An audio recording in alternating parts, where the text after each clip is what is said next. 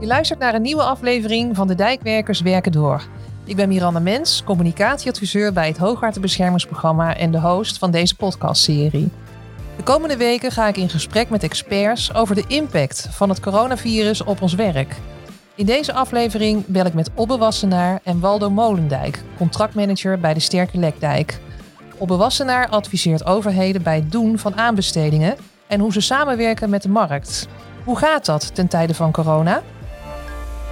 De projecten zelf die hadden natuurlijk al uh, de, nodige effecten gehad naar stikstof en PFAS.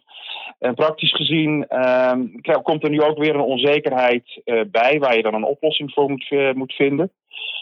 en daarnaast hebben de projectteams natuurlijk heel weinig voorbereidingstijd gehad om aan deze situatie te wennen. dat je elkaar niet meer in levende lijven tegenkomt. Dat je, niet, dat je meer moeite moet doen om met elkaar af te stemmen. Um, ja, en daarnaast mis je gewoon de teamgevoel, het sociale contact, uh, waar je normaal gewend bent uh, vrolijk goedemorgen tegen je collega's te zeggen en dan ook iets terug uh, te, te, horen. Zeg ik niet goedemorgen tegen de kikkers, de kikkers in mijn vijver. Die zeggen niet heel veel terug, dus dat is wel even wennen. Dat is even wennen, ik kan me voorstellen. Want Obbe, jouw expertise is dus om overheden te adviseren bij aanbestedingen, hoe ze dat moeten organiseren. Ja. Dus de wereld van voor corona en na corona was voor jou ook een totale andere. Hè? Want hoe ziet jouw werk er nu uit? Hoe adviseer jij mensen? Nou ja, de, de, afhankelijk hadden de mensen, wat was de vraag van ja, jongens, uh, kunnen aanbestedingen gewoon doorgaan? En als we doorgaan, wat moeten we dan regelen? Dus daar waar je normaal gewoon de aanbesteding ging voorbereiden, ging je ook met hele andere vragen, uh, vragen uh, spelen. Van joh, er waren heel veel vragen. Uh, hoe, hoe gaat dat nou als je digitaal doorgaat met aanbesteden? Wat gaan we tegenkomen? Uh, hoe houden we rekening met corona? Hoe, het kan zomaar vertraging in je project teweeg brengen. En um, wat als dit hele verhaal na de aanbesteding nog steeds niet over is? Wat voor, wat voor bepalingen moet je dan in de overeenkomst opnemen? Wat moet je regelen voor de aanbesteding? Um, en ook kan je tijdens het aanbestedingsproces uh, nog bijstellen wanneer het hier wel sprake is van een wezenlijke wijziging, wanneer het niet meer was, wanneer niet. Dus allemaal dit soort vragen die uh, op zich juridisch gezien niet nieuw zijn, maar wel in deze context uh, op een, op, opnieuw beantwoord moeten worden. Um, en het grappige is dat uh, dat aan twee kanten van de tafel speelt. Het speelt niet alleen bij de aanbestedende diensten, maar ook bij de marktpartijen. Want toevallig in het begin van, van deze coronatijd sprak ik uh, Thomas Kok. Die is medeoprichter van uh, de ITC-groep. ITC-groep helpt juist de, de, waar ik zeg maar de, de, de opdrachtgevers help, de aanbestedende diensten help, helpen zij de, de marktpartijen met, met aanbesteden. En um, uh, doordat al deze vragen op ons afkwamen, hadden we zoiets van: hoe kunnen wij in deze tijd uh, iedereen nou zo goed mogelijk helpen? Uh, we hebben daarom een, een LinkedIn-groep opgericht. als een soort platform waar we kennis, onze kennis en onze ervaringen kunnen delen. We, we, willen daar gewoon echte oplossingen laten zien. Oplossingen die zijn toegepast, zonder commerciële bijbedoelingen, zal ik maar zeggen. We willen onze doelgroepen daarmee echt helpen. en ehm, nou, we hopen dat natuurlijk niet alleen wij, maar juist uh, al onze uh, collega's en con-collega's zich hierbij aansluiten. En ook goede voorbeelden laten zien, zodat die vragen waar ik het net over had, uh, dat, we, dat dat voorzien van concrete voorbeelden hoe het kan. hoe we deze tijd op een zo goed mogelijke manier doorkomen zonder dat we onnodig en te veel de vertraging inschieten. Ja, precies. Uh, nou, jij weet ook dat er heel veel verschillende vormen van aanbesteding zijn. Hele verschillende vormen van samenwerking tussen uh, marktpartijen en opdrachtgevers. Ja. Welke vorm leent zich heel goed voor online aanbesteden en welke minder? Ik ga de vraag net even iets anders beantwoorden. Dat doe ik bewust, want we hebben in Nederland eigenlijk al heel veel goed geregeld op het gebied van aanbesteden en digitaal aanbesteden. En we hebben Tendernet, er wordt wel veel op gemopperd, maar doordat we het nu hebben, kunnen in ieder geval de gewone uh, aanbestedingen, zoals de openbare en de standaard niet-openbare aanbestedingen, die kunnen gewoon door. Want die deden we eigenlijk al digitaal. Je loopt wel uh, aan tegen een andere manier van werken, maar die zit veel meer uh, in bijvoorbeeld de vertraging bij de voorbereiding van de aanbesteding, omdat je minder makkelijk met elkaar in een, in een ruimte dossier of contractstukken, aanbestedingsstukken in elkaar kan, kan sleutelen. En de marktpartijen hebben dat met het in elkaar sleutelen van een inschrijving precies hetzelfde. Dus eigenlijk voor die aanbestedingen is het een kwestie van meer tijd laten wennen aan deze manier van werken, zodanig dat we het gewoon wel doen. En ik heb er ook wel vertrouwen in dat we aan deze nieuwe manier van werken gewend raken voor dit soort aanbestedingen. Um, mits we nu voldoende tijd nemen om dat te doen. Dus daar maak ik me niet zoveel zorgen over. Het wordt lastiger op het moment dat in de aanbesteding contactmomenten zijn opgenomen waarbij elkaar normaal fysiek zou treffen. Ik denk, bijvoorbeeld aan productpresentaties. Uh, recent uh, hebben we een ICT-aanbesteding in Hilversum heb ik aan de orde gehad. En juist precies een week voordat we de productpresentaties hadden gepland, nou, hij ging eigenlijk, ik mag het geen lockdown noemen, maar zo voelt het, zo, zo voelt het werktechnisch soms wel een beetje. Uh, ging die in. Uh, dat betekent dat we van de een op de andere dag uh, de demonstratie niet meer konden doen zoals we dat, dat wilden doen. en nou ja, het leuke is, in samenwerking met de inschrijvers hebben we gewoon de, de dialoog gezocht. Hebben we een oplossing gevonden om in een bestaande techniek Microsoft Teams de productdemonstraties vorm te geven. En een neveneffect voor mezelf als in ieder geval als, als aanbestedingsjurist dat uh, met deze presentatie, deze presentatievorm, eigenlijk de, de, um, de, doelstelling van onze demonstratie beter tot z'n recht kwam. Want het ging om, om ICT, om software. Door deze digitale demonstratie staat de software gewoon op het beeldscherm, op de manier waarop je er uiteindelijk ook mee gaat werken. En kun je hem dus eigenlijk nog beter beoordelen als bij een, een demonstratie in een fysieke ruimte. Ja, dat was dan in dit geval, hè? Maar, maar hoe ja. werkt dat dan bij dijkversterkingsprojecten? Uh, nou, bij dijkversterkingsprojecten heb je, heb je iets minder uh, van dit soort productpresentaties. Uh, dan zou het bijvoorbeeld meer in de vorm van, van interviews zijn. Die heb ik zelf nog niet aan de, aan de, aan de hand gehad, maar ik heb al wel gezien, maar dat staat ook bij ons op de, op de, op de LinkedIn-blog, interviews die inderdaad ook gewoon via Skype, via WhatsApp, via Teams gehouden zijn. En daarin ook goed verlopen zijn. Ja, en je zult een stukje interactie, directe interactie missen.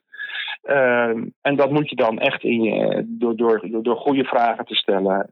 Door uh, ook goed op de, op, op de camera te kijken, zal ik maar zeggen. Zul je, dat, zul je dat moeten inhalen? Zul je dat moeten bijhalen? Ja. Op een andere aanbestedingsvorm die je ook veel ziet in de dijkwerkerswereld is de concurrentiegerichte dialoog. Um, wat zie je daar voor haken en ogen als je dat succesvol online wil, uh, wil gaan doen? Ja, concurrentiegerichte dialoog is natuurlijk ook een aanbestedingsvorm waarbij direct uh, contact en normaal in een fysieke ruimte uh, heel veel nodig is en ook van belang is. Ik ken helaas nog geen voorbeelden van aanbestedingen die al een dialoog onder digitaal hebben gedaan. Ik weet wel dat het, ik heb wel het gevoel dat het moet kunnen. en ik weet ook dat bijvoorbeeld de Stenendijk Hasselt van WDOD binnenkort start met een eerste dialoogronde. Dus ik ben heel benieuwd wat hun ervaringen daar, daarbij zijn. Um, en op zich past het ook wel.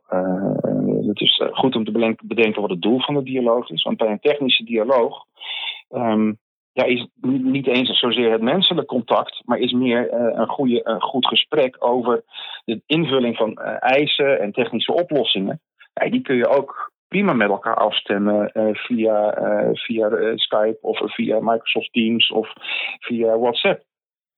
Ja, ja. een lastig iets is misschien als je een dialoog voert. ik heb bijvoorbeeld een, een, samenwerkingspartner voor Smart City Hilversum vorig jaar een aanbesteding voor gedaan. Ja, dan heb je het echt over een wijze van samenwerken en ambities. Uh, ik denk wel dat het moet kunnen, maar dan moet je ook kijken van welke teams ga je, welke teams, welke uh, tools ga je gebruiken. Mm -hmm. uh, dan is Microsoft Teams alleen waarschijnlijk niet genoeg. Maar dat, ja, ik heb ook al gezien dat er online brainstorm tools zijn, zoals Mural, waar het wel kan. Ja, precies. Hey, en ja, jij adviseert heel veel overheden bij het doen van aanbestedingen. Hè? Dat zijn allemaal publieke organisaties. Daar kom je vaak over de vloer. Wat moet zo'n organisatie nou in ieder geval in zich hebben om succesvol online zo'n aanbesteding te kunnen doen? Wat zijn de, de, de tricks? Um, in ieder geval je goed voorbereiden. Maar dat doe je altijd, toch? Dat doe je altijd, maar je moet je nu niet alleen voorbereiden op uh, uh, zeg maar de inhoud, maar ook op een andere manier van werken. Uh, om die reden heb ik bijvoorbeeld uh, voor de concurrentiegerichte dialoog samen met een partner met wie we altijd wel dialoogtrainingen doen, de, de, onze dialoogsimulatie omgebouwd naar van hé, hey, maar hoe, wat betekent dat nou op het moment dat je hem, die, dat je hem digitaal moet doen? zodat je in ieder geval alle fouten kan maken. En um, dat je ook, ook voelt van wat is het nou op het moment dat ik via een teleconferentiesoftware mijn dialoog moet voeren. Dus dat hebben we gedaan. Ehm, die hebben we heel snel omgebouwd naar een online versie. En hierin kunnen dus de projectteams ons eigenlijk al een digitale dialoog doorspelen, inclusief de do's en don'ts. Um, daarnaast uh, moet je dus ook gewoon goed nadenken welke online tools hebben we. Um, zoals gezegd, we doen eigenlijk al best wel heel veel online. We hebben Tendernet, we gebruiken bij de aanbestedingen Relatix of Pim.info. Uh, we hebben gebruiken SharePoint, Microsoft Teams is beschikbaar. Dus er is al best wel heel veel. En dat betekent dat je gewoon met elkaar ook gaan moet nadenken van hey, hoe gaan we die teams, of die, die tools inzetten in onze aanbesteding. Um, en dat is, gewoon, dat is gewoon hartstikke gaaf, dat je nu gedwongen wordt om met lef en, en met, met innovativiteit toch gewoon door, uh, door te gaan. Ja, ja. Uh, jij werkt samen met iemand die veel bij marktpartijen over de vloer komt. Hè? Met hem heb je samen ook die LinkedIn-pagina aanbestedingen tijdens corona opgericht. Wat zien jullie gebeuren aan die marktkant op dit moment? Uh, aan die marktkant zie je, uh, die, die, worden natuurlijk ook, die, zijn, die hebben zich ook hier niet goed op kunnen voorbereiden. Maar je ziet een aantal dingen gebeuren. Je ziet natuurlijk vragen van oké, um, we zien nieuwe vertraging, we zien extra kosten. En hoe gaat het nou in de bestaande projecten? Maar dan, dat is meer de juridische vraag. Hoe is het contractueel geregeld en wie moet die kosten dragen? Aan, de, aan de aanbestedingskant zie je dat de, de markt eigenlijk heel snel meeschakelt. En dat is heel gaaf om te zien. Dat zag je bijvoorbeeld bij de ICT-aanbesteding, waar ik het, uh, waar ik het eerder uh, uh, over gehad heb. Dat de marktpartij heel snel meeschakelt, meedenkt van hé, welke tools moeten we hiervoor gebruiken. En dan blijkt het allemaal eigenlijk best wel eenvoudig te regelen, omdat je gewoon eigenlijk in je bestaande softwarepakket al heel wat hebt om het te doen. En hetzelfde zag, zie je nu ook bij WDOD, maar ik denk dat, dat ze dat het beste zelf ook kunnen, uh, toelichten. Um, dat daar ook gewoon de dialoog digitaal door kan vinden, door, doorgang kan vinden zonder dat er uh, vertraging in de planning ontstaat. Dat de markt ook zoiets zegt, ja, maar we hebben de tijden en, en, en momenten gereserveerd, laten we het gewoon doen. En juist die doenersmentaliteit van de markt, eh, denk ik, gaat aanbestedingdiensten heel erg helpen om deze tijd door te komen. En voor mij, voor mij zou het advies dan ook zijn. Um, ga met die marktpartijen in, de in, dialoog om te kijken van hé, hey, maar hoe gaan we op nette manier de aanbestedingen die we al gestart zijn, of de nieuwe aanbestedingen vormgeven zodanig dat we allemaal onze, uh, onze, uh, ons ei, zal ik maar zeggen, kwijt kunnen. Ja, nou dat is duidelijk, Obbe. Jouw boodschap is dus gewoon doen. Gewoon doen, toon lef en zoek elkaar op. Samen kom je eruit. Hartstikke goed, dankjewel. Graag gedaan. Aan de lijn hebben we nu Waldo Molendijk. Hij werkt bij Hoogheemraadschap de Stichtse Rijnlanden in het midden van het land. En Waldo is contractmanager bij de dijkversterking Sterke Lekdijk. En dit project wordt momenteel aanbesteed als een innovatiepartnerschap. Waldo, wat is precies een innovatiepartnerschap? Nou, innovatiepartnerschap is eigenlijk gewoon een Europese uh, aanbestedingsvorm. Al zie je hem nog heel erg uh, weinig toegepast. En is bedoeld om iets in te kopen wat eigenlijk nog niet bestaat. Of nog niet kant-en-klaar beschikbaar is voor de markt. En iets inkopen waar dus nog een stukje ontwikkeling voor nodig is. En dat is bij jullie ook het geval? Ja, wij hebben uh, toen wij in, in 2017 startten met uh, de Lekdijk, uh, zijn we begonnen met, met ons bestuur van wat willen we als, als waterschap nu bereiken met deze dijkversterking? wat zijn onze uiteindelijke doelen? Wat vinden wij belangrijk? Daar stonden een aantal dingen kwamen daar naar voren toe. Los van uiteraard primair een stukje waterveiligheid. Zeiden we ook, dit is een hele mooie dijk, een, een historisch rijke dijk.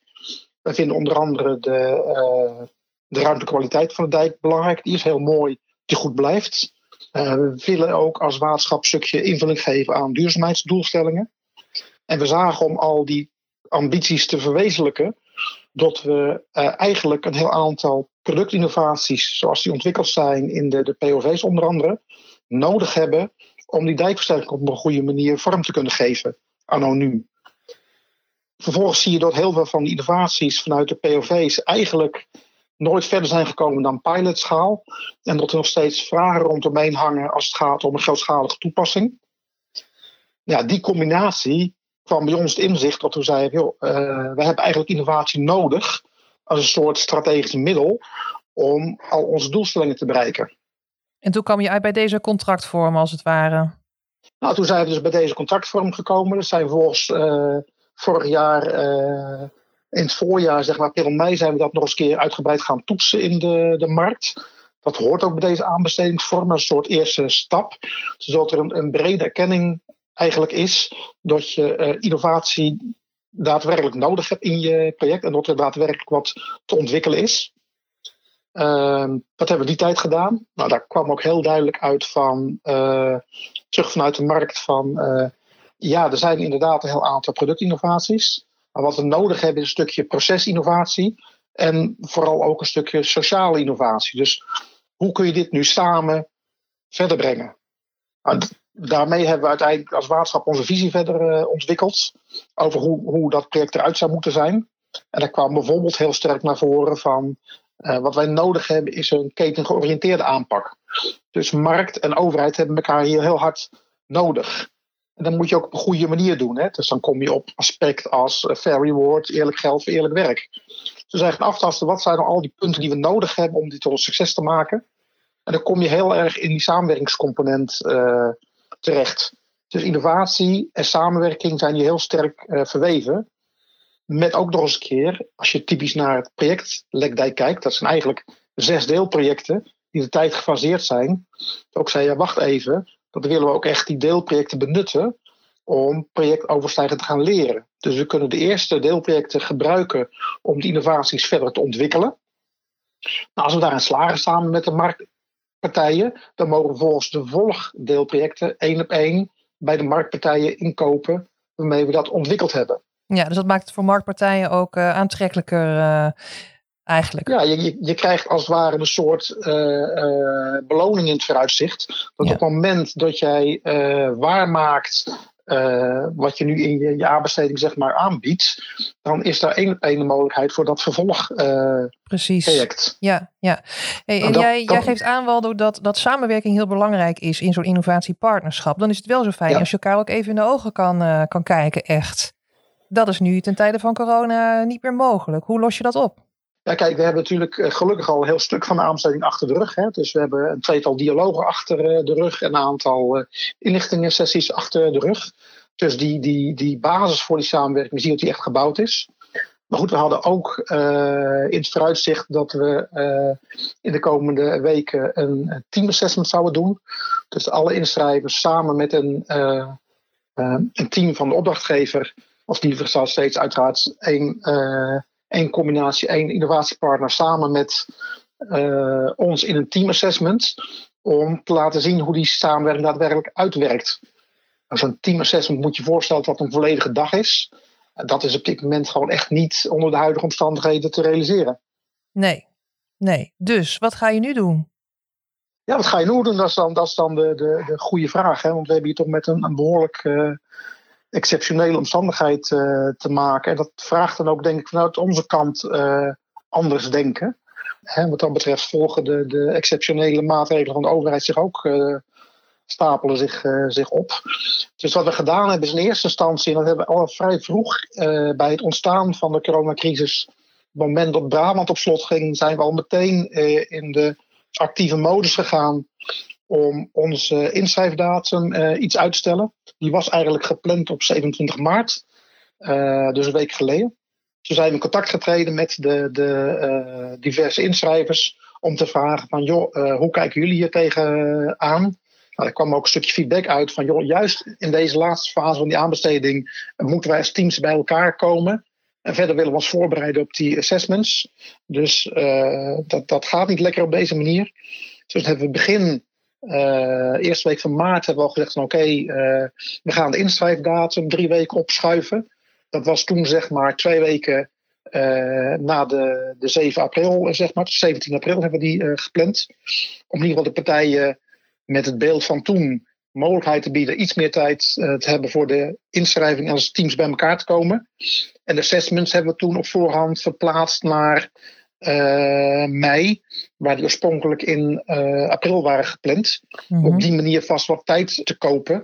En aan de andere kant zo min mogelijk vertraging in het proces te, te krijgen. Want ja. vervolgens konden we door uh, het in elkaar drukken van beoordelingstijd, zouden we dan nog net kunnen gunnen binnen onze oorspronkelijke planning. Precies, want wanneer is, is die gunning volgens jullie oorspronkelijke planning?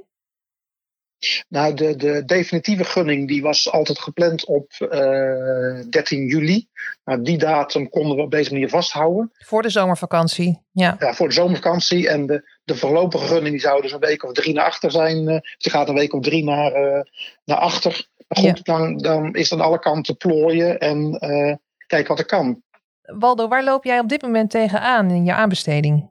Wat we nu zien is dat uh, corona gaat effecten hebben op de, op de tijd waarop we daadwerkelijk kunnen gunnen. Dus er dreigt gewoon uh, vertraging op te, op te lopen. En wat we gedaan hebben in deze fase is uh, opnieuw contact zoeken met onze inschrijvers. Een drietal scenario's schetsen. En bij de inschrijvers gaan, gaan proeven van goh, hoe zouden jullie hier tegenaan kijken. Het eerste scenario is, is even kort, uh, hou het bij het plan zoals het nu is. Uh, met de vertraging die we, die paar weken vertraging die we hebben, uh, assessments in mei. En dan kunnen we nog eigenlijk op de originele datum gunnen. Tweede scenario is eigenlijk niet anders dan we gaan vertragen. We gaan de assessments uitstellen tot het moment dat het weer kan. Hopelijk ergens eind, eind juni, wellicht later.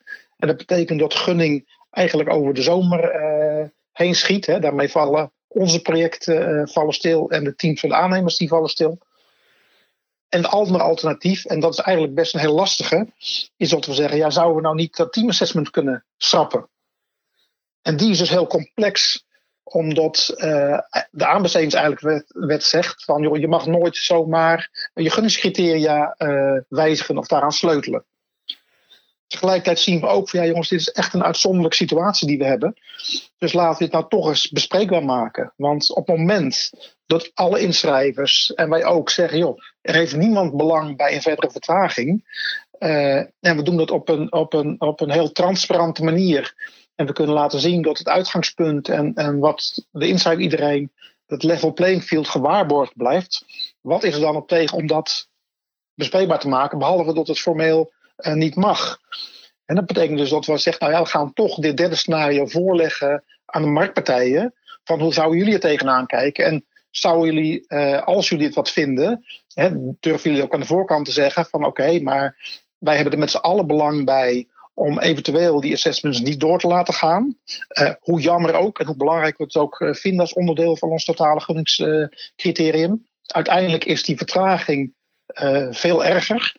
En dan gaan we dus achteraf ook niet in een, in eventueel bezwaarprocedure procedure, procederen op het aspect van ja, we hebben nu verloren, maar als er een teamassessment was geweest, had het wel gehad. Ja, precies.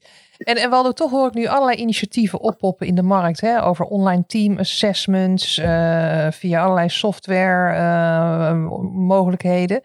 Waarom zou dat voor jullie niet kunnen passen?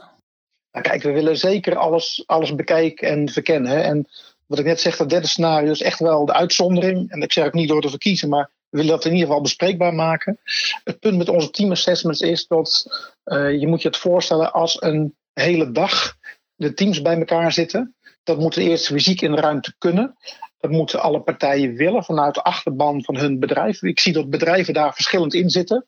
Ook vanuit eigen veiligheidsoverweging. Maar daar willen we op dit moment onze mensen nog niet bloot aan stellen. En de vraag is of je digitaal hetzelfde effect kunt bereiken van zo'n hele dag waar die teams interactief met, met een stukje daadwerkelijke case bezig moeten, moeten zijn. Ik ben bang dat je daar dan dus dingen gaat missen. En dat was nou net de kracht van dat uh, assessment. Dus dan schiet je ook je doel voorbij, zeg maar. Waldo, dankjewel en succes de komende tijd. Ja, dankjewel. Je hoorde Obbe Wassenaar en Waldo Molendijk over de effecten van het coronavirus op aanbestedingen. Heb je ideeën of suggesties naar aanleiding van deze uitzending? Praat dan mee via hashtag Dijkwerkerspodcast of stuur je reactie naar podcast.hoogwaterbescherming.nl.